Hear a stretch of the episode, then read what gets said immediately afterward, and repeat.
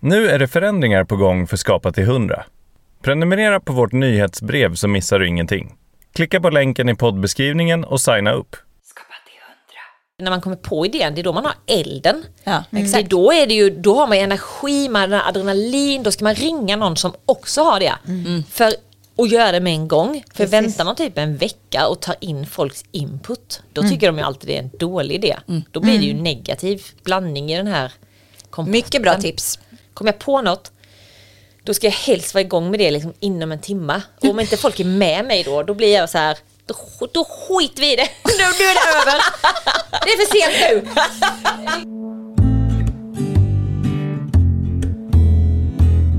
nu.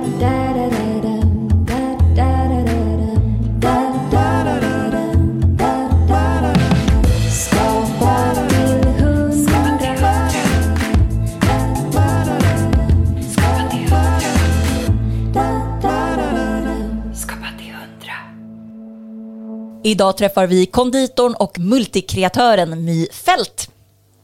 Vi pratar om att vara kreativ i takt med livets upp och nedgångar.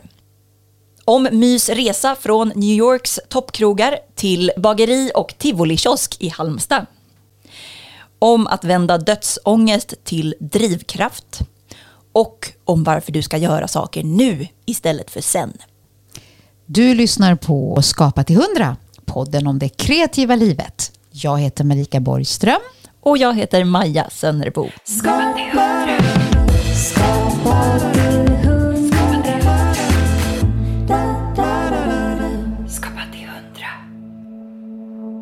Alltså jag bara känner jag har, jag har så mycket tv-smink på mig. Ja, Men du är så eh, snygg så. Alltså jag, fan, jag trivs inte i uh, massa smink. Jag får panik. Gick det bra? precis. Ja men precis, för du kommer direkt från morgonsoffan. Ja, det gör jag. Vad- Jo, det gick bra. Ja.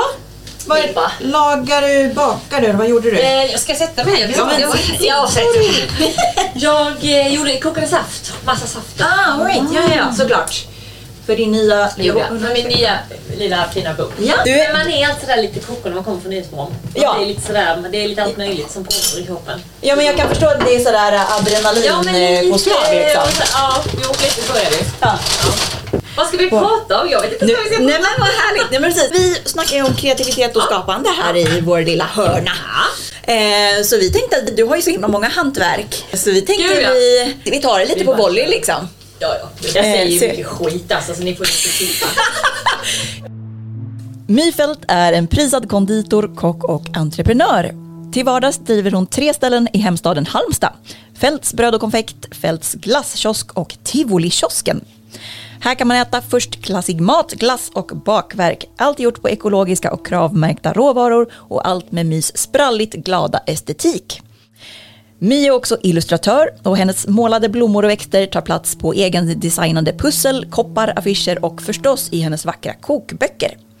Precis nu är hon aktuell med sin tredje i ordningen. Det växer saft och sylt överallt. Med recept från allt från eh, fläderblomsaft till tallkottesylt. Inte minst är My en kreatör med Pippi Långstrumpsk styrka och lekfullhet som inspirerar oss att våga följa känslorna och genomföra saker fast det inte alltid blir perfekt. Varmt välkommen till Skapa till 100, My Fält. Tack snälla. Tack. Vad roligt att du kom förbi Jag till vår lilla in. studio. Äntligen va? Äntligen! Ja, äntligen. Ja, jag kan säga att du är inte den enda gästen som vi har haft långa bearbetningsperioder med. Det liksom, Men- ibland tar det flera år innan man får till liksom, att det synkar i allas scheman och sådär. Alltså jag har varit jävligt snål på poddar med ska jag säga. Ja, ja. ja. Vi, har, vi försökte göra research på dig, vi hittade inte en enda podd med dig. En finns det. En! Ja, Wow. en. Eh, eh, nu kommer jag inte ihåg vad den heter. Nej. Jag vet inte ens om den finns längre. Det är någon sån här restaurangpodd. Det är faktiskt den ja. enda jag har gjort. Ja. Vad, in, vad intressant. Vi, vi känner oss hedrade att du Ja, vill komma till oss. ja. alltså jag har fått massa frågor. Men eh, någon, alltså ett tag var jag sådär, säg ja till allting och sen det kostar ju på så jäkla mycket. Och jag tror att jag någonstans blev lite såhär, alltså folkskygg eh, och lite såhär, Nu ska jag inte göra någonting. Och så testade jag bara att tacka nej till allting istället. Det var lite det jag kände också. Att till slut kände jag mig som en ohyra.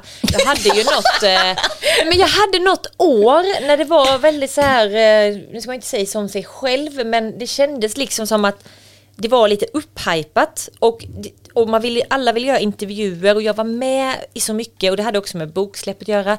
Jag gjorde så mycket, jag vet jag gjorde typ 75 magasinintervjuer Oj, oj, till första oj. boken. Sen kom andra boken, då gjorde jag säkert 40 liksom, intervjuer och jag bara sa samma sak. Till slut fick jag nästan börja ljuga. Jag bara så här, för folk ställde samma frågor. Så jag bara, jag kan inte säga samma. Jag måste säga något annat.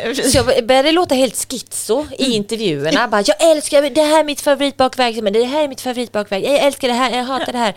Så jag bara sa liksom, jag bara kände jag kan inte göra fler. Jag är så trött på att se mig själv, höra mig själv. Precis. Och då var det så skönt att bara, nej, jag vill inte göra någonting. Och sen kom jag till en punkt i och med min förra bok som var väldigt känslor, den handlar ju om känslor. Eh, och väldigt, Och, eh, vad, heter den? För den heter? Rullrån och tankebrus. Just det. Mm. Och den handlar ju om det där som jag då kallar för tankebrus som pågår i en som är så stort inuti men som utanpå då är man bara som alla andra. Men de här känslorna som kan, man är glad, man är ledsen, man är kär, man är olycklig. Det är det som liksom sägs på utsidan men inuti är ju de känslorna så stora och så nästan förintande ibland.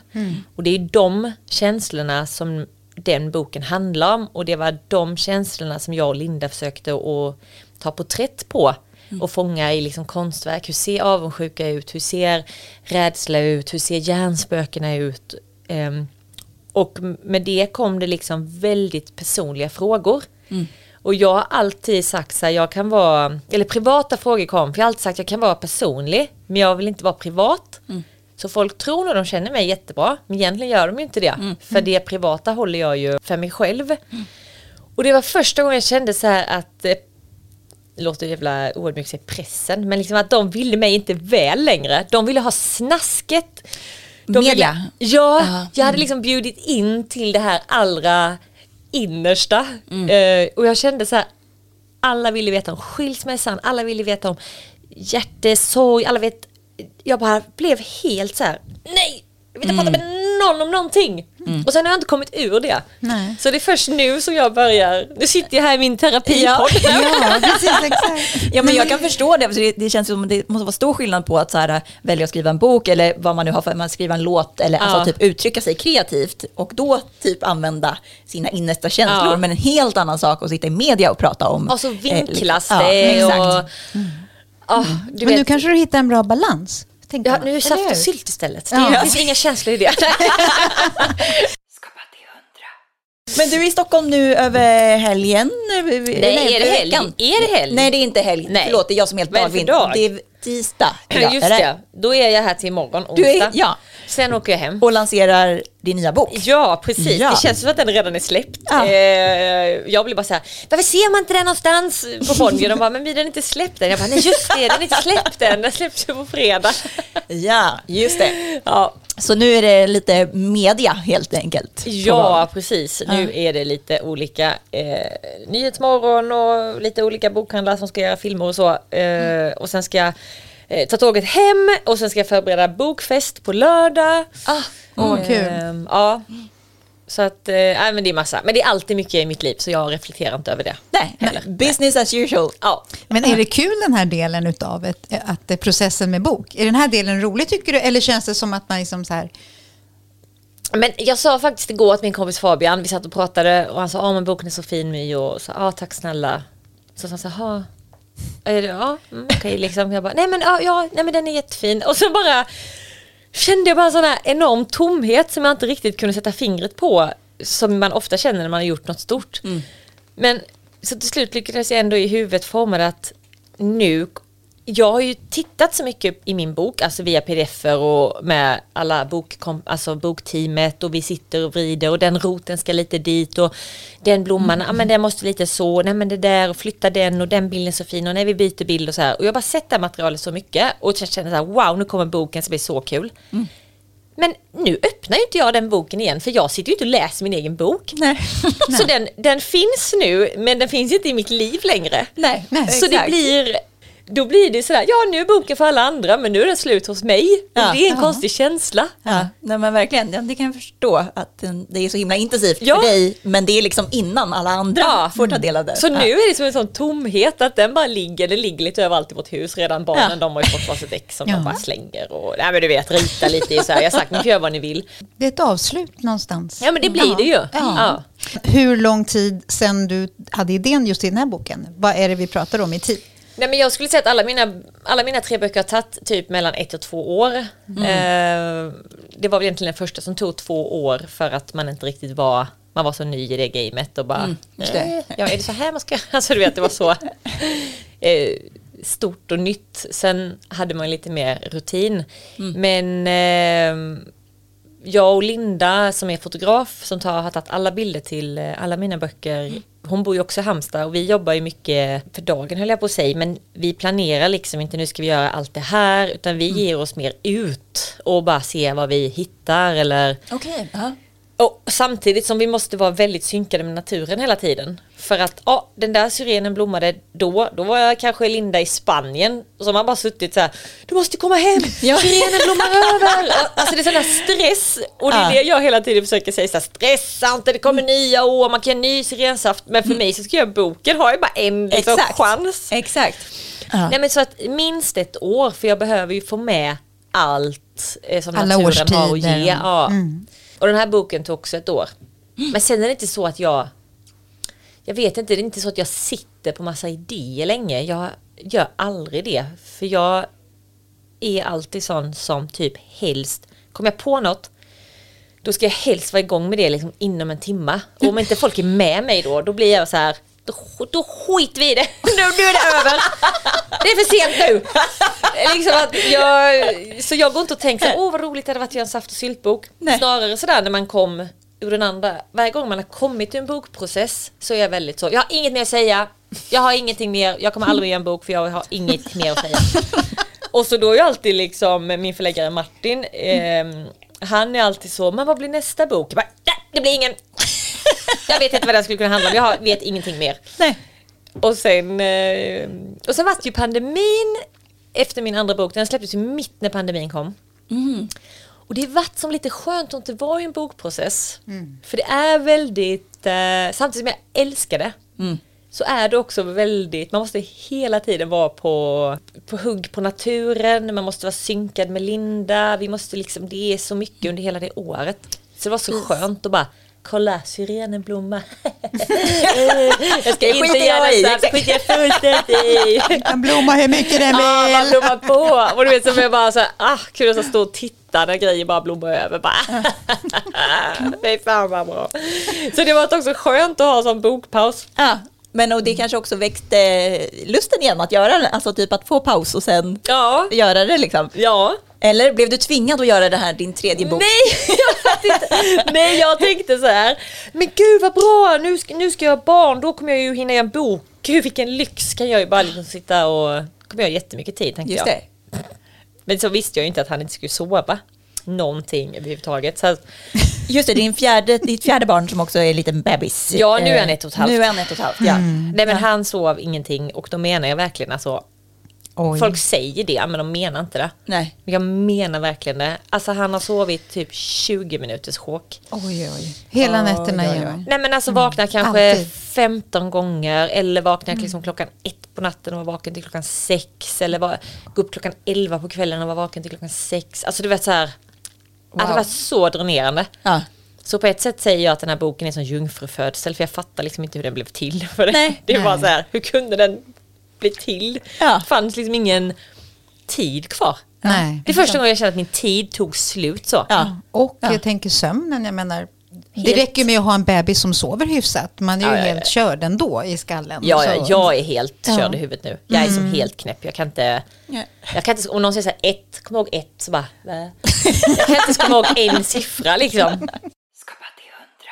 Men nu, vad har du för kreativt läge just nu? Om du skulle skatta det från 1 till 100, 100 max. Alltså jag har alltid hundra. Ja. Så här, alltid hundra. Ja. Eh, eh, jag har aldrig något lägre än det. Nej, fantastiskt. Sen det betyder inte det alltid att jag sitter och målar liksom eller skriver någonting men jag, jag tycker bara livet skulle vara, alltså det är dötrist att bara vila, ta det lugnt, återhämta mig. i. Alltså det är liksom det tråkigaste jag vet. Jag blir galen när folk säger till mig, du måste ta det lugnt också.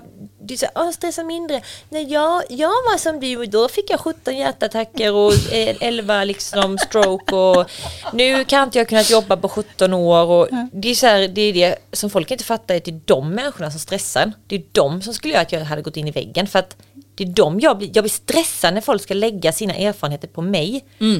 Och jag, jag fattar det med välmening men jag tror inte de själva förstår vad de, vad de lägger för press på en.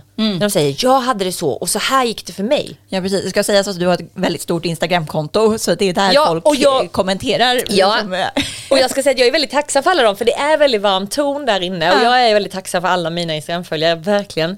Men det är bara att ibland tror jag att folk de tänker inte på att vi är olika människor. De ser bara till sina egna erfarenheter och de projicerar sina egna känslor och sina egna upplevelser på mig och det stressar mig. Mycket mer än om jag ska skriva 17 böcker och måla 17 teckningar och sjunga en sång och göra. Det stressar inte mig. Nej. Då mår jag bra. Har du alltid haft den här äh, gasen i botten personligheten Ja. liksom? Ja. Jag tror det grundar sig jättemycket i att, nu är det väl dels min personlighet, men sen vi, eh, vi var ju sju syskon, vi hade jättemycket dagbarn, mamma var ensam med oss. Det, om inte man liksom var där i toppen och Ja. bara kolla se mig, woho!" Ja. då var det ingen som såg en. Så att jag har liksom det. det. i mig så här, kolla vad jag kan klättra, kolla jag kan springa jättefort. Vilket Ja. också har varit lite, det har ju kanske, vad ska man säga, det tog ju lite en stund innan man landade att det var så. Och att det fick vara okej. Just det var det många som sa, men inte ska väl du och du ska alltid och... Ja, så. men liksom att det är ju ett alltså, det är väldigt fult att ha bekräftelsebehov. Man får inte ha det ju. Nej, Och men folk det är en säga- mänsklig drift. Det, har, det Ja men och så. folk säger såhär, Ja. jag har inga bekräftelsebehov. Jag har, jag har jättemycket bekräftelsebehov. Jag är såhär, se mig, kolla vad roligt vi är nu, hallå hallå. och jag känner så, det har väl alla, det är väl bara folk Alla bara har ljuger det. ju. Ja. Alla som säger att de inte har det ljuger. Det har jag en sån sida i min bok så det står, alla som säger att de inte har bekräftelsebehov ljuger. Vad, I den senaste boken? Nej, den är för mellanboken. Mellanboken, Rullebord och ja. tankebuss. Ja. Ja men för det är så, här, det är så fult att ha det och det, Ja. för mig handlar det kanske inte om, ehm, jag tycker inte om när folk säger så här, åh gud vad du är snygg eller det är inte det. Nej men Det jag är mer tänker så här, liksom- det känns ju som att det är för dig, eller om man ser utifrån i alla fall, att det är en väldigt bra, så här, bra drivkraft för dig. Alltså du gör ju fantastiska grejer. Ja och jag vill Eh. liksom att vi alla ska ha kul tillsammans. Jag vill att folk ska ha kul. Ja, det är otroligt dränerande också. Ja. Men jag, jag vill ju jämt så här, här har vi kul, kom, kolla hit, här är skitkul, kom och vara här. Eh, och jag har en sån väldig drivkraft i att jag vill skapa roligheter till folk. Och ett tag så trodde jag att jag var tvungen att vara den roliga också. Att, att jag skulle liksom ge allt av mig själv. Jag och min lillebror höll på så, Putte som jag driver alla mina ställen med. Eh, när alla turister kom, alla besökare. Då var det nästan som jag, jag hade fått för mig liksom att Att jag måste, måste nästan stå stå och där. dansa där Ja. liksom för att folk, det var det de hade förväntat sig. Och vi bara gav allt av oss själva och när alla gick hem och man låste dörren och maskinerna gick av så bara Alltså det var bara helt mörkt, det var så här tomt, det var Ja. bara en känsla av att man var helt tömd, fanns inget kvar och då skulle man liksom hem till sin familj. Mm. kom man hem som en sån dränerad, bara uh, hej hej. Och nu har jag förstått att vi måste sätta oss själva, eller jag måste sätta mig utanför, jag kan inte vara en del av det roliga. Ja. Sen skap, gillar jag att skapa massa roligheter. Så pass mycket att alla de tusen personerna som kommer den dagen, de kan ta en liten bit av den roligheten, men när de går hem så är jag fortfarande hel liksom. Exakt, ja det låter väl väldigt eh, Men det är klokt. jättesvårt att komma dit. Ja. Verkligen. Det är Ja, men sån exakt. insikt som man bara, ah, jag kan inte vara med där. liksom. Nej, du är mer så här, lite creative director, du hittar på det och sen får de andra Ja, och sen kan man det, typ. segla ut Ja. där och vara glad. Och jag, menar, jag är väldigt tacksam för alla som kommer till oss och jag vill ju att de ska känna det. Men eh, Nej, men det går ju inte. Du har ju skalat upp din affärsmodell så att det Ja. går ju inte att finnas till för alla tusen varje dag. Det- det är nej, ju nu kommer det inte tusen varje dag. Men på Nej. sommaren är det ju så verkligen. Och, eh, Men lite metaforiskt så att säga. Ja, och liksom, jag tror att för mig har det också varit att eh, jag måste dyka in i det där. Så här, idag är jag här, då gör vi det här, nu ska jag ut och prata med alla. Och också kanske vara beredd på att få allas historier och så. Men att man kan inte låta det komma in i en. Eh, jag brukar säga att man ska ha med en visuell sax. Att så här, vi pratar, vi lyssnar, vi har en härlig stund. Men sen kan jag liksom inte bära med mig den historien på det sättet. För att om jag ska bära med mig alla de 500 historierna då orkar, det orkar inte jag, har inte plats för så mycket i min hjärna. Den är liksom hela full. Nej. Så då, då klipper man. Ja. Och så, så har man tid för nästa liksom. Ja. Och det är inte för att vara otrevlig utan det är för att man själv ska hålla. Ja, nej, men exakt. Verkligen. Men vill du berätta om dina, dina ställen i Halmstad för de som inte har varit där eller liksom känner till det? Ja, eh, bageriet Fältsbröd och konfekt, det är det som har funnits, eh, funnits längst i eh, 12 år. Eller vänta, hur gammal är min son nu? Det var 11 är han. Men då är, för bageriet är lika gammalt som min son. Ja. Mm, det är därför jag kommer ihåg det. Att bageriet är 11 år. Det är Ja. bra. Nej men så där bakar vi ju bröd och bullar och många tror att det är bara jag som står och bakar helt själv, så är det ju inte. Nej. Jag har ju massa människor som jobbar med mig som är jätte otroligt duktiga och fina. Så det är bröd och det är bullar och det är kakor och det är tårtor och det är praliner och choklad och så. Ganska litet, inte så mycket sittplatser. Nej. Och sen är det Tivolikiosken som är och den heter kiosk bara för jag har alltid drömt om att ha en kiosk. Jaha. Men vem vill egentligen ha en kiosk när man tänker på vad det är? Det är liksom cigaretter, dagstidningar, så här lottorader. Ja, Ja, lottorad, snuskiga tuggummin. Det är som man vill inte ha någonting som finns i en kiosk. Så jag har varit såhär, jag kan göra en egen kiosk. Jag bestämmer själv vad som ska vara i den. Så det är därför den heter kiosken. Ja, härligt. Ja, det, det känns som en, en dröm, en kreativ dröm liksom. Ja, det är en, det är en, förlängning av det här känslotivolit som jag ofta pratar om. Ah, För jag gjorde ju eh, Rullrån och Tankebrusboken som är som jag sa innan så speglar den liksom känslorna som är i en och jag jämför det ofta med tivoli. För att man går in på tivoli och så får du uppleva ungefär det du upplever i livet. Eh, och det är inte bara berg dalbanan jag pratar om, det är så här skräckhuset. Eh, du får ju så jävla mycket nitlotter. Alltså du vinner ju aldrig nästan någonting, så är det ju också i livet. Det är ju inget att deppa ihop för, för det är bara så det är. Ibland kanske du vinner liksom storvinsten. Eh, det, är, eh, det finns kärlekstunnlar, det finns liksom åkturer och så brukar lägga till att luften alltid är söt på tivoli och det är den fan i mitt liv också. Eh, det är alltid socker liksom. Ja. Så att jag tycker att eh, livet är som ett tivoli. Och då gjorde vi den här boken som är mycket, alltså känslornas tivoli. Så att den har väldigt sådär tivoli-känsla. Och då tänkte jag göra en förlängning på boken som man kan trä i, träda in i. Ja. Så, så tivolikiosken är ju att gå in i den boken och få uppleva det här tivolit en liten stund. Och även om ingen vet det rent uttalat så tänker jag att de får sig en liten åktur där inne ändå. Ja, vad ver- verkligen. Jag, ju, typ- jag vet inte, du har inte varit där heller Marika? Nej, det har jag inte. Nej, vi- jag det kan står komma i på- sommar. Ja, du är så välkommen. Det står på to-do på så här semestermålen, vi som inte bor i Halmstad. Eh, nej men det känns ju som att det är väldigt så här, det är en enormt lekfull estetik liksom. Att det är verkligen Ja. som en cirkus, det hänger tyg i taket och det är randigt och det är alla färger. Typ Ja. här, eh, Det finns som, inga vita ytor där inne. Nej, det var exakt. målet. Ja. det är ju extremt befriande och Ja. liksom blir också väldigt eget. Ja, men Eh, lite, alla klarar av att vara inne en liten stund. Även om man är som vit människa, som, alltså vit och fräsch som man ska vara hit. Ja, eh, nej, det där får ju blä, blä, blä, blä, får ju Tom. Det lärt mig att man gör så. Mig att man bara säger något skitfullt och kuk. Eh, för då måste de klippa bort det. Nej men eh, även om man har, är en människa som har det vitt och fräscht hemma, så skulle jag säga.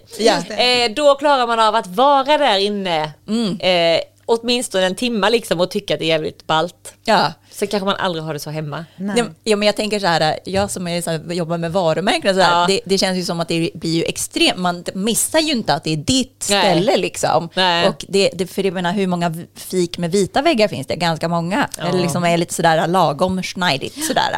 Ah, Men jag- Lite trevligt typ. Jag gillar verkligen den platsen och jag, vi öppnade det mitt i pandemin. Ah. Ah. Eh, 19 november, då hade pandemin varit sedan eh, mars då. Mm. Och eh, utan att man märkte det så hade ju alla gått in i någon så här kollektiv depression. Du såg ju inte längre människor le Nej. Men det hade man liksom glömt tills den dagen vi öppnade Tivolikiosken. För då, jag minns så väl ögonblicket när folk, vi låste upp dörren så hade vi Alice i Underlandet på i högtalarna, det bara strömmade ut så här orkester. Och så såg jag alla som kom in log och då slog det mig så här, men gud folk ler inte längre! Nej. Att det var så tydligt. Att de var så här, wow, liksom att de var så glada. Och även både äldre och yngre, alla varit glada. Man fick liksom ta fram det där lilla lekfulla i sig som jag, det där barnet i sig som jag tycker är så viktigt. Jag blir så himla nyfiken. Vad är det man kan förvänta sig när man går in i Tivoli-kiosken? Kan du inte bara berätta lite om vad, vad, vad finns det där inne? Eh, ja, vad finns det där?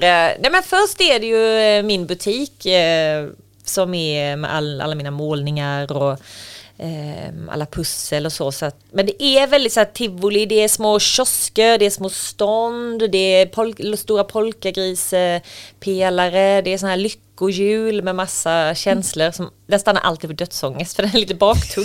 Det är så jävla sjukt. Det, är ett riktigt så tivoli som Ja. snurrar på? Men Det alla får dödsångest. Ja, så står det så här olika känslor, kär, hångla, lycklig, ledsen, sockerbulle. Och så första barnet som gick fram som snurrade på det hjulet så stod det dödsångest. Och, och hon bara sprang till sin mamma och bara Jag kommer dö mamma! Det var första gästen liksom. Jag bara Nej men gud vad roligt tivoli har gjort, jättekul. Men, eh, nej, men det är väldigt så, eh, får man säga, spektakulärt. Ja, det är man får. Jag tycker det är Herregud. som en blandning av eh, Willy Wonka eh, och Alice i Underlandet. Gud vad underbart. Alltid lite så här galet. Nu är jag så otroligt hemmablind så jag tycker inte det alls Nej. är något speciellt där inne Nej. längre. Nej, såklart. Men Du folk som är där. in, Gemene är man så, kanske. "Woo!" Ja. Och sen kan man ju fika, man kan käka lunch. Eh, nu har jag öppnat eh, glasskiosken vägg i vägg med. eh, så att det är bara en massa godsaker där. Underbart. Bara en massa härligheter. Ja. Men det här med liksom att du har så här barnasinnet kvar, va? Hur- Ja, det har aldrig lämnat. Nej, det har aldrig lämnat. Nej, men exakt. Jag tänkte på, tänkte på det när vi förberedde intervjun, att det, du känns ju väldigt mycket som så här, äh, en real life Pippi Långstrump. Liksom på, att det, du är både så här äh, stark i, du liksom göra Gör. vad som helst, eh, men du känns också som att det är så här, varför ska man göra som alla andra? Ja. Eh, det är lite så här fötterna på huvudkudden och typ gå din egen väg. Och, Ja, men jag, ja, jag har liksom en... eh, Jag tycker att många vuxna är så jävla tråkiga. Alltså jag tycker verkligen det. Jag är så tråkiga, men alltså det är så här, folk de har typ glömt att de en gång, eh, liksom hur kul det var när de var små. Många säger så åh vad roligt det var när man var liten, kanske många säger. Så tror de att man inte kan fortsätta ha det. Eh, men det kan man ju. Och jag tycker att det är så många som blir så tråkiga. ja. Det är inte för att vara taskig mot någon som man säger det, men många glömmer att ha roligt. Och jag träffar så många människor som säger så här, "Åh, jag drömmer om det här, drömmer om det här, men jag får väl jobba kvar här på mitt jobb. Eller, ja det hade ju varit kul, och nej men jag vågar inte ha färg hemma, jag vågar inte tapetsera, det är bättre det ser ut så här. Tänk om det blir fel. Och jag tror att vi blir så ängsliga och vi, vi blir så, vi krymper typ oss själva. Eh, alla, många har blivit som en sån här liten, du vet, sån här, man kan köpa en sån handduk på någon sån billig plojaffär så, så lägger man den i vatten. Den är som en liten karamell. Så lägger man den i vatten så sväller den upp och blir en sån här härlig handduk. Va? Nej, men, jo men alltså att människor de krymper sig själva. De Ja, var det här stora krymper. handduk. Ja. Handduk var jävligt dålig. Men en dinosaurie då, eller vad det nu kan vara. Du vet som sväller upp i vatten. Ja, just det. Ja. Man, vi har krympt liksom, vi är som ett litet russin. Så Ja. tråkigt. Det är många som Ja. förminskar sig själv. Ja men det gör de verkligen. Och så de tror inte på sig själva, de tror inte på sina drömmar, de vågar inte. Det är så mycket drömmar som bara faller för den här ängsligheten.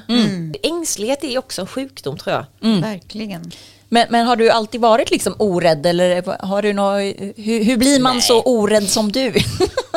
Nej det har jag verkligen inte varit. Alltså jag har ju, eller så här, jag har varit orädd men jag har varit väldigt rädd för döden. Så jag har varit väldigt orädd för nästan allting men otroligt dödsångest jag har haft i mitt liv. Alltså sen jag var liten, jag var så rädd för döden. Jag var så rädd att, eh, att mamma skulle dö. Eh, för jag tänkte så här, gud vad ska hända? Och redan när jag var typ eh, fem, sex år så började jag göra planer för vad ska jag göra när folk dör? Hur ska jag ta hand om mina syskon? Hur ska, jag trodde liksom att det låg på mig. Och, och vad kommer hända eh, när mamma dör? Kommer hon dö? Eh, och jag vet när mina barn sa så här nu när eh, de varit lite större. Där vid sju år börjar man bli medveten om döden. Ja, men vad, vad skulle hända om du dö, dog mamma? Och då tänkte jag så här, nu ska jag fan berätta för dem vad som skulle hända om jag dog. För jag tänker, hade jag fått veta det när jag var liten så hade jag nog varit liksom lugnare. Så jag har varit så här, men vet ni vad? Om mamma skulle dö, då skulle det komma någon till skolan som ni känner. Ni ska, alltså du vet, jag bara drog den och de bara så här, okej, kan vi kolla på Bamse nu? Och det var så skönt för jag bara, nu har jag berättat vad som skulle hända om jag dör. Ja, exakt. Ja, det är en relevant fråga kanske om man är sju Nej, men. Alltså, ja. Men vi i vårt samhälle, vi pratar ju inte om döden. Nej. Vi har inget naturligt förhållningssätt att prata och samtala om döden. Nej. Och det är lite, I andra kulturer finns ju det. Så det där var ju väl ett fantastiskt tips. Ja, och jag tagit, den, där rollen tog jag på mig lite så här, jag ska berätta om döden. eh, för när mamma dog, eh, hon dog för åtta år sedan. Det var ju så fruktansvärt jobbigt och för mig blev det lättare om vi kunde så skoja om döden, skämta om döden. Bara för så här, ibland säger folk så här, men gud vad ni är grova i munnen, liksom jag och min brorsa när vi pratar om döden och mamma. Eh, men det är ju på ett sätt, alltså vi måste skratta åt den, för den är så jävla sjuk. Och jag tänker att om vi skrattar åt den och, och eh, skojar om den, och då, då får jag ändå vinna. ja. För annars vinner den, Ja. om jag bara ska bli nertystad av döden. Ja. Och det var också döden, det sjuka är att det var döden som tog min dödsångest. Jag brukar säga det. Jag var så rädd för döden.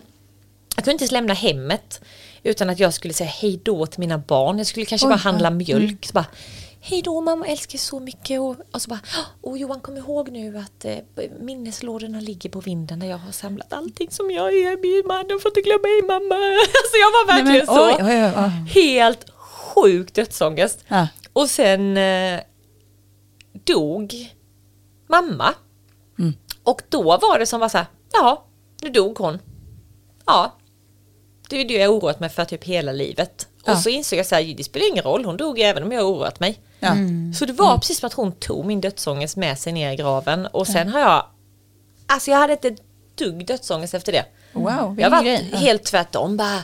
Det var, nästan, det var ju nästan farligt på sitt, för jag var nästan så här, här jag kan ställa mig på en motorväg bara, mina, jag skiter i vilket, woo! Nu gjorde jag inte det, men jag kände så, det blev Kände helt så. tvärtom. Att vi kraft i Helt det. odödlig kände jag mig. Ja. Nu jävlar kör vi, vi bara.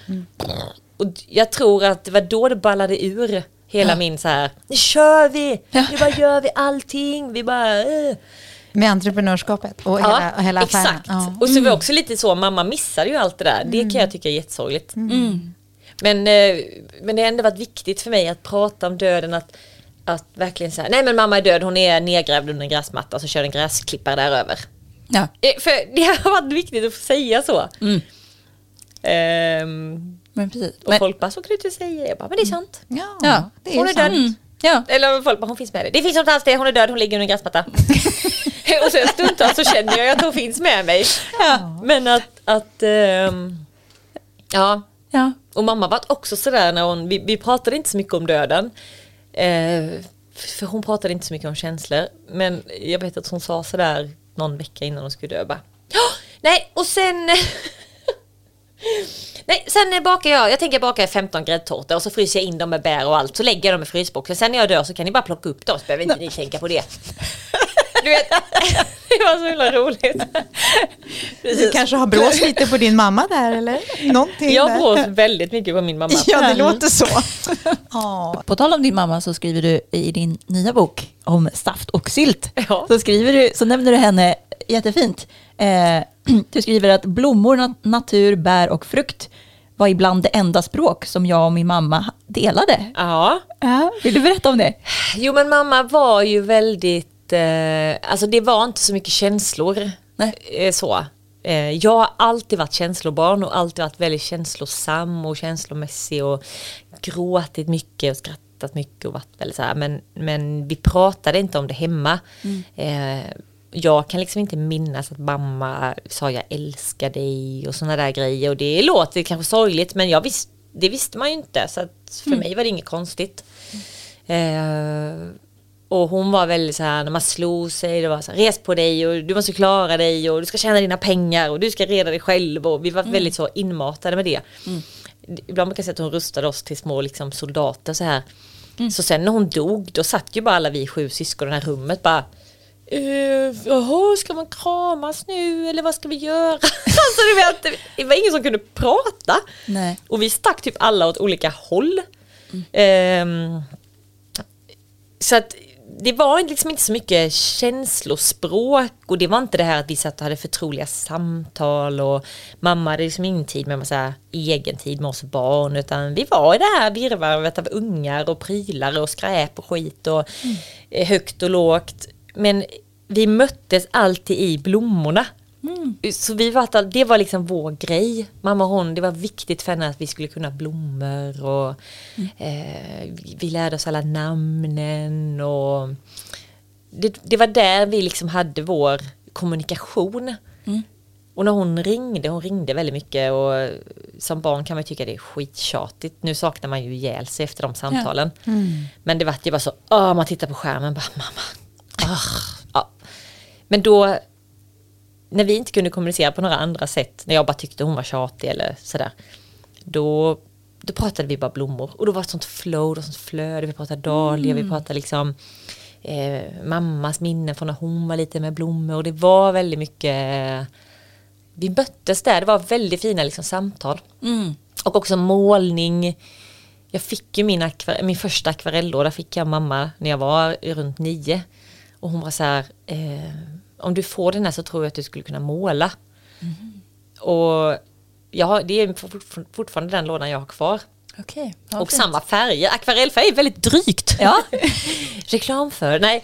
Men eh, jag, det är fortfarande mina små akvarellkuber som jag har kvar. Jag har egentligen bara fyllt på med svart och vit. Så det är så lite mysigt att veta att alla målningar, böcker och tavlor och allt det är den lådan är jag från fick av mamma. Ja. Ja, Så det, det är det jag menar med att vi möttes i det. Ja, ja men för, när man, både när man läser dina böcker men också jag, eh, jag, inför den här intervjun så tänkte jag så här, men vad, när, när började känna till My? Och då insåg jag att det var på ditt tv-program som du hade på TV4, Eh, Mys bröllop. Ja, ja Mys bröllop, det är Ja, världens var- sämsta namn. Tju- tju- Nej, det var inte världens sämsta men det var, ja, det var så kul, produktionen bara, det får inte heta någonting med mys och det får inte heta någonting med bröllop. Nej.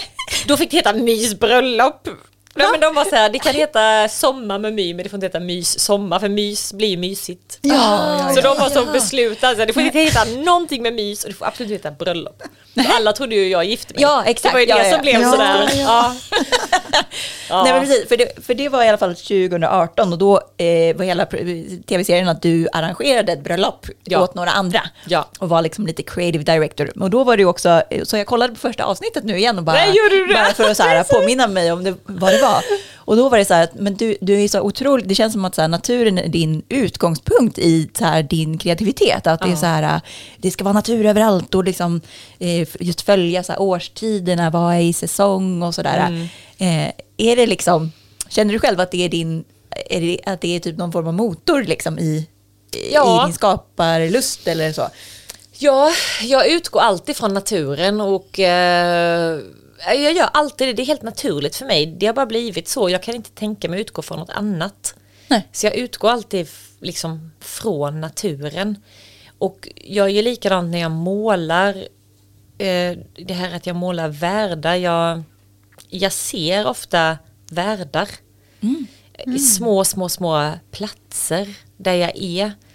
Jag tänker alltid fortfarande på exakt samma sätt som jag tänkte när jag var liten. Om jag kommer ut i skogen, då ser jag så här, gud, där kunde man leka med Playmobil. Där kunde man ha en liten, där kunde man ha ett litet hus. Och där är en liten strand och där kunde gubbarna gå. Jag, jag, fortfarande, jag, om jag kör bil och ser liksom en kulle, då tänker jag så, där kunde man lekt. Eh, där är en värld, där är en värld. Och det är samma när jag målar, då målar jag de här världarna som är i naturen som är så där lite surrealistiska. Så jag är ständigt på plats där. Och jag tycker att man kan skapa så mycket, du kan skapa så mycket i naturen. Ja, underbart. Spännande. Vi- Men vi är så nyfikna på, i och med att du har så många hantverk då, din kreativa process. Du nämnde ju lite i början av samtalet här att, du, när, att, att du kör inspirationen för dagen eller har du en struktur eller hur fungerar det? Nej, jag har ingen struktur. Nej. Ny struktur? Nej. Nej fy, nej, jag är den mest ostrukturerade människan som finns. Alltså min personal, eller, jag, nej jag tycker inte om ordet personal, men mina som jag jobbar med, Ja. eh, de är så snälla ibland och städar på mitt kontor och sånt. Då, då hittar jag ingenting. Jag, alltså det, det är så stökigt där och jag måste nog ha det så. Ja. Eh, nej, jag har ingen struktur. Jag skriver aldrig upp någonting, jag kommer inte ihåg någonting. Ibland gör jag listor som jag aldrig kollar på igen. Jag, liksom, jag kan inte. Jag kom på häromdagen en liten, om du vill ha en liten struktur för mig, så kom jag på häromdagen, eller jag kom inte på det för det är inte femte hjulet, men post-it-lappar. Ja.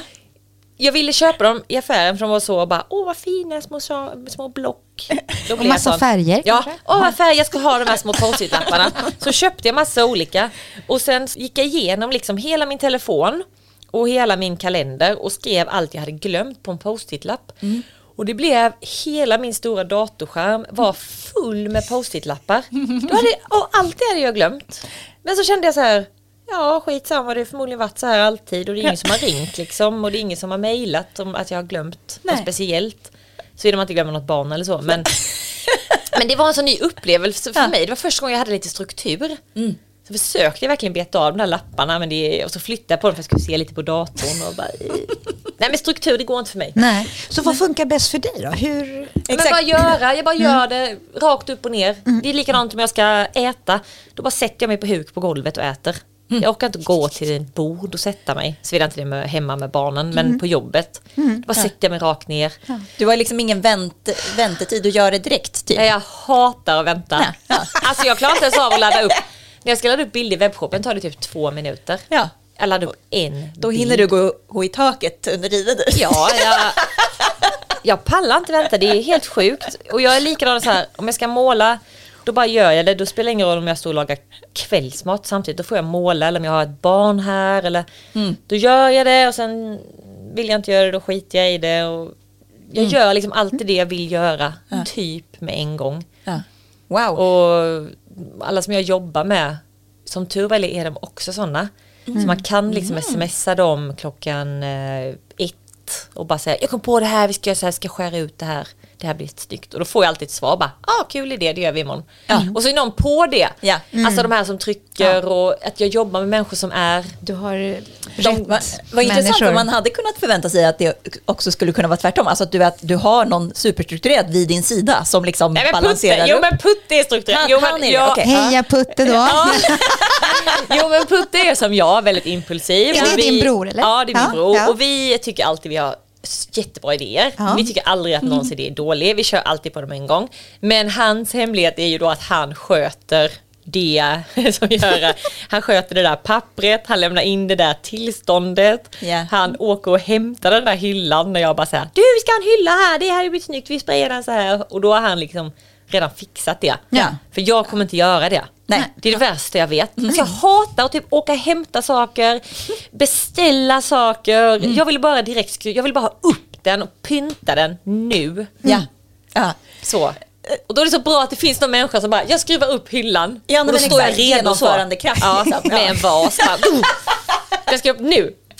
Och eh, så så är jag alltid och alla mina ställen när vi har kommit på, jag och Putte, att vi ska öppna dem. Då har vi haft en lokal och skrivit på inom ett dygn på allihopa. Oj Ja. jädrar. Wow. Så vi har noll konsekvenstänk. Så det är bara på tur att det går bra. Eh, för att eh, jag har liksom inget... Nej, men, Ja.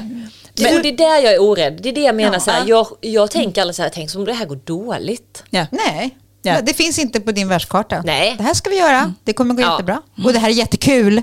Jättekul. Kul. Allt är kul. Ja. Allt ska vara kul. Ja, ja men exakt. Nej, men man ska aldrig lyssna in. Jag brukar säga så, det är när man kommer på idén, det är då man har elden. Ja, Det är då, är det ju, då har man energi, man har adrenalin, då ska man ringa någon som också har det. För att göra det med en gång. För väntar man typ en vecka och tar in folks input, då tycker de ju alltid det är en dålig idé. Då blir det ju negativ blandning i den här kompakten. Mycket bra tips. Ja, så jag är så bara, gör det med en gång, ring dem du behöver. Ja, odla eller liksom lägga mer ris på elden istället Ja. för att så här, äh, kolla om någon vill blåsa ut ens låga. Ja men typ. Sen är jag ju på andra sätt, eh, jag kan ju bli orolig på andra sätt när man väl har gjort den här grejen då så kanske ingen kommer så här första timmen bara. Nej, nu går vi konkurs. alltså så är jag det, efter fortfarande efter 11-12 år då, borde jag putta Ja. nu går det ut för. Nu skickar vi Nu är det två gånger om dagen. Ja. nu går det ut för. Är det över? är det över? Sen bara en kvart senare, nu är det fullt! Det är jättebra idag med. liksom sådär. Men vi håller inte på och tänker och gör strategiska planer och sånt Nej. där eller kolla marknaden eller så. Det har jag liksom aldrig gjort. Ja, wow. Nej, för det ska ju sägas att eh, om man liksom, som sagt inte känner till dig och din resa, så det, det, har det går ju, upplever man i alla fall utifrån, väldigt bra för dig. Du har fått liksom massa priser, gastronomipriser och du vet årets ställe och hej och liksom. Ja. Eh, Så det känns ju som att det, det verkar funka, din, er metod. Liksom. Men man ska inte, jag är väldigt noga, man ska inte leva på sådana där gamla meriter. Nej. Jag är väldigt så när folk bara, "Åh, du har vunnit fina priser. Jag bara, men gud det är ju jättelänge sedan. Det, jag kan ju ha blivit skitdålig. Det vet ju inte. Över natten. Men, ja, över natten.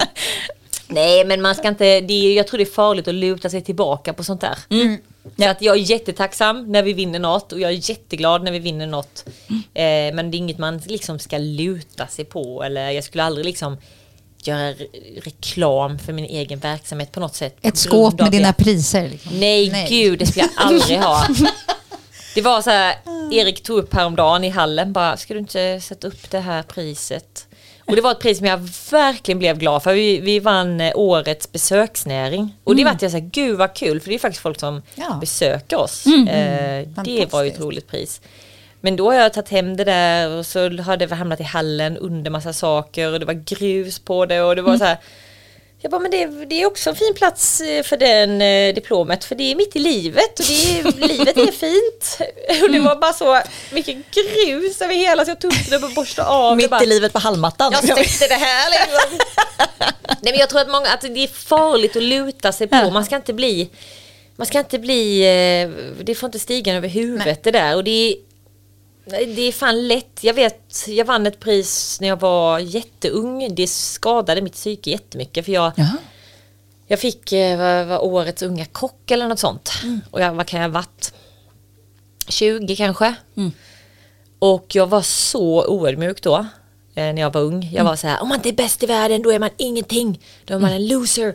Jag var verkligen ocharmig och jag ville bara bli bäst på att laga mat. Okej. Jag tänkte liksom om man inte är bäst då är man ju sämst. Så att man måste ju bli bäst. Och jag trodde liksom på något sätt att man kunde nå det genom att göra olika saker. Och jag jagade hela tiden den här grejen att jag ville vara så duktig som möjligt på det jag gjorde. Och jag tyckte aldrig jag nådde upp till det. Jag såg liksom inte allt jag lärde mig, jag såg bara allt jag inte kunde. Och jag hade en väldigt så här oödmjuk ton och jag tyckte att eh, alla som inte brann för något, det var, de var liksom dåliga människor tyckte jag. Det var jätteocharmigt, verkligen. Att jag såg ner på människor som inte hade någon dröm eller eh, Jag var så här, kan du inte vilja någonting? Då, då vill du, då du liksom Ja. jag bara, Ja, typ.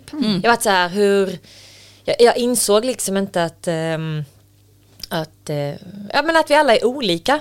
Och då hade jag en kökschef, Jonas hette han, Carlén, som sa så här till mig, han tog ner mig på kontoret. För jag var ju väldigt odräglig att jobba med då.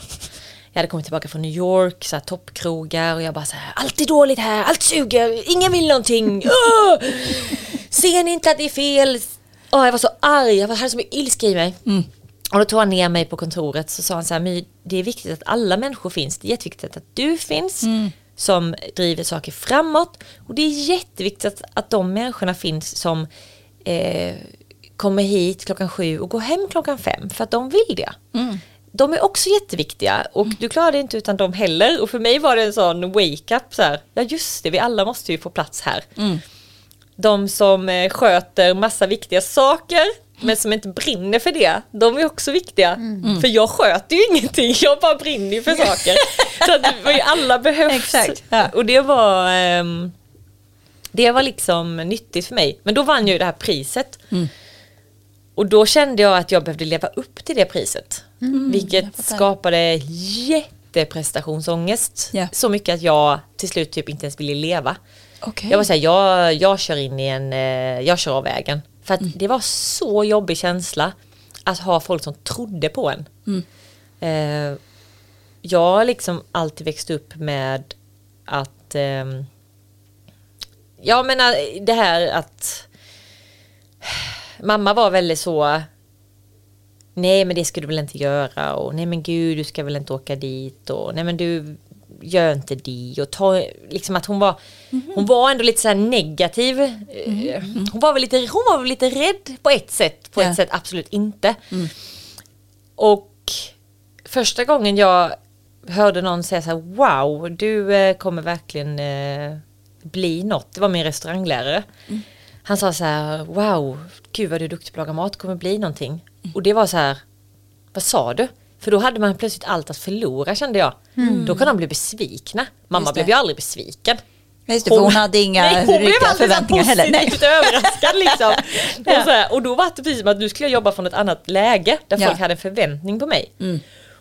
Och det skapade hela den här, det här monstret i mig att jag trodde liksom att om inte jag är bäst då är jag sämst. Ja. Och när jag fick det här priset, det var som droppen, jag bara, jag orkar inte längre. Nej. Jag kämpade så hårt för att leva upp till det här årets unga kock. Just det. Och att jag trodde så här att när jag kommer till en restaurang nu då kommer de tro att jag kan allt. jag var det. liksom 20 år. Exakt, väldigt ung. jag. Mm. Ja. Och det tog också jättelång tid innan jag släppte den här känslan. Jag tänkte flera gånger när jag körde till jobbet. Nej men jag, gud jag kör lite in i betongväggen så kanske jag skadar mig så mycket så jag blir sövd i typ tre veckor så jag bara får vila. Alltså jag tänkte de tankarna. Hur gjorde du för att vända det där? Ja, men eh, jag tror att den insikten kom... Absolut så var det så att när jag fick barn så tog det ju ner en lite på jorden. Att det var någon annan man behövde bry sig om mer än sig själv och sin egen liksom, karriär, typ som jag trodde att jag skulle skapa mig. Ehm, så det tog absolut ner mig på jorden. Men någonstans så bara insåg jag så här att eh, alla är ju rädda för att bli avslöjade. Eh, Alla är ju rädda att, alla tror ju någonstans att man är en, liksom att någon ska komma på att man är en bluff. Man är inte ensam om de känslorna. Nej. Och jag tror det var när jag insåg att andra hade samma känslor. Eh, plus att jag bara behövde liksom förstå att man kan skita i vad folk säger och tycker. Att jag fick den insikten, ah, jag behöver inte bry mig. Om du inte tycker om mig behöver inte jag bry mig om. Nej. Men det är inte så lätt, det är mycket lättare att säga än att exakt. tänka. Ja. Men någonstans fick jag en sån jättestark känsla och den liksom kom in i mig. Den bara låg inte på utsidan. Mm. Så jag blev lite sådär obrydd. Vad folk liksom eh, skulle tycka om mig. Och sen startade vi bageriet, man fick göra sin grej. Eh, det var jättemånga då minns jag som tyckte att det var ett konstigt konditori och bageri. För vi hade ju olika saker. Vi hade inte det här, vi hade inte alltid den här kakan, alltid tårtan. Det var så här, hit kan man inte gå, man vet inte vad man får här. Och vi var så här, nej men precis, det är det som är roliga. liksom. Men det var ganska typ nytt då, för restaurang har ju alltid varit så att man byter meny, man gör nya grejer efter säsong, medan bageri har alltid skulle vara samma grej. Exakt, det ska vara någon prinsesstårta. Ja, och typ. sen är det bra med det. Ja, och nu är det ju alltså, nu är det helt annat, men då för typ 12 år sedan var det inte riktigt så. Och vi var kockar och vi ville jobba mer som kockar fast i ett, i ett liksom bageri och man fick köra sin grej och plötsligt så kände jag bara så, jag bryr mig inte så mycket vad någon tycker och jag behöver ju inte vara bäst, vad är det Nej. liksom? Eh, vad ska hända då om jag nu skulle mot all förmodan bli det? Det kan man ju inte ens bli. Och Man blev lite äldre, man fick lite insikter. Och det är så skönt att, man, att jag inte är den människan, för det var... Aj, fy vad ocharmig. Ocharmig personlighet alltså. Samtidigt som jag tror att hade jag inte varit den människan, då hade jag nog inte varit här Nej, heller idag. precis. För det, du har ju haft en enorm, eller du har ju en drivkraft som är Ja. väldigt stark. Och den har du ju omvandlat fast på ett annat sätt. nu, Ja men jag säger. brukar säga så att jag, nu har jag min värld på månen men den där eh, ocharmiga biten det var raketen upp liksom. Den behövdes för att komma dit. Nu har jag byggt min lilla värld på månen. Det är bara Det är ingen syre men det är jättebra där ändå. Ja, nej, men jag kan känna igen det där. Jag har, har väl också haft den här äh, väldigt drivna och Ah. också lite ocharmiga Ah, sidan hemskt. när jag var yngre.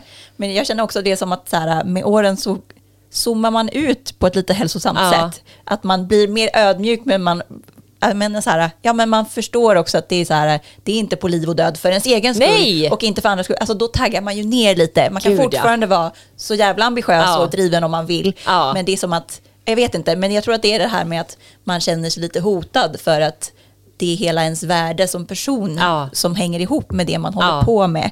Och det, eh, eller upplever jag att så här, man, när man kan släppa det, då blir man också lite mjukare. Lite skönare. lite skönare Lite person. skönare, liksom. ja. Men det är så lätt att sitta här och säga så. Ja, att så här, oh, man ska inte bry sig om vad folk säger. Men det är något som måste, jag vet inte, jag kan, inte- jag kan inte sätta fingret på den stunden där det hände. Men Nej, det var en process. Mm. jag hoppas det var så skönt att inte bry sig.